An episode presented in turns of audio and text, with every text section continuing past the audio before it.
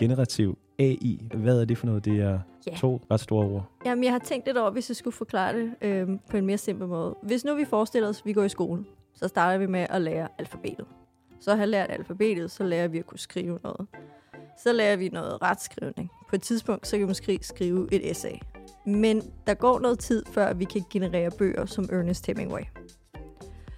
En generativ AI-model, det er en kæmpe mega-model. De første fra Google i 2018, de havde 340 millioner parametre. Det er alle sammen små lag, der kan fine-tunes på, som ændrer, hvad der kommer ud i sidste ende. Når vi kigger på ChatGPT øh, 3, så har den 175 millioner, og vi ved, at GPT-4 er cirka 1000 gange større. Cirka. De er kæmpe, kæmpe store. De er så store, de kan aldrig komme til at ligge på en computer eller en on-prem server. De er gigantiske. Men du skal nu forestille dig, at de er gået fra os før i tiden at kunne forstå først et ord. Det var der, vi cirka var før 2018. Så lavede Google noget, der hedder en transformer. Den laver om på, at den kan forstå både det, der kommer før, og det, der kommer efter. Så nu kan du forstå sætningen.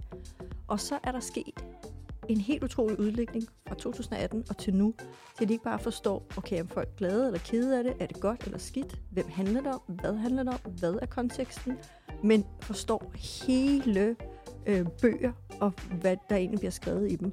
Og når du når til det punkt af forståelse, så kan den også begynde at re- øh, replikere eller begynde at generere et nyt output. Ligesom nogen, der måske havde brugt 20 år på at lære at læse og skrive rigtig godt. Imponerende. Hvad er det, der er afgørende, at den kan lave det der skift og være kreativ i processen?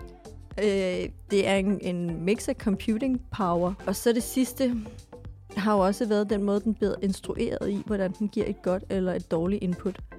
Så hvis vi kigger nu på, at der har længe, altså hvis man går ind på sådan noget som Hugging Face, skulle man lige være en nørd, ikke? så får du et overblik over, hvordan er udviklingen over de her modeller, hvordan har den været. Så kan man godt se, at de her large language models, som en GPT-model er, de har eksisteret længe. Men det, der bliver forskellen, er, at man vælger at lære, hvordan den skal respondere på et spørgsmål og et svar. Det hedder også fine-tuning. Så man giver den et prompt. Øh, hvad er Danmarks højeste punkt? Og så giver man også svar, det er Himmelbjerget. Og det gør man tilpas mange gange, til den kan forstå, okay, jeg har læst alle de her tekster. Når du spørger om det her, så er det det her, jeg skal give dig.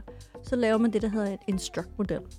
Og det har øh, OpenAI, som er dem, der står bag ChatGPT, de har ansat rigtig mange mennesker til at sidde og lave den her øh, øh, reward af. Det her er spørgsmålet, her er svaret, eller det her er et godt svar.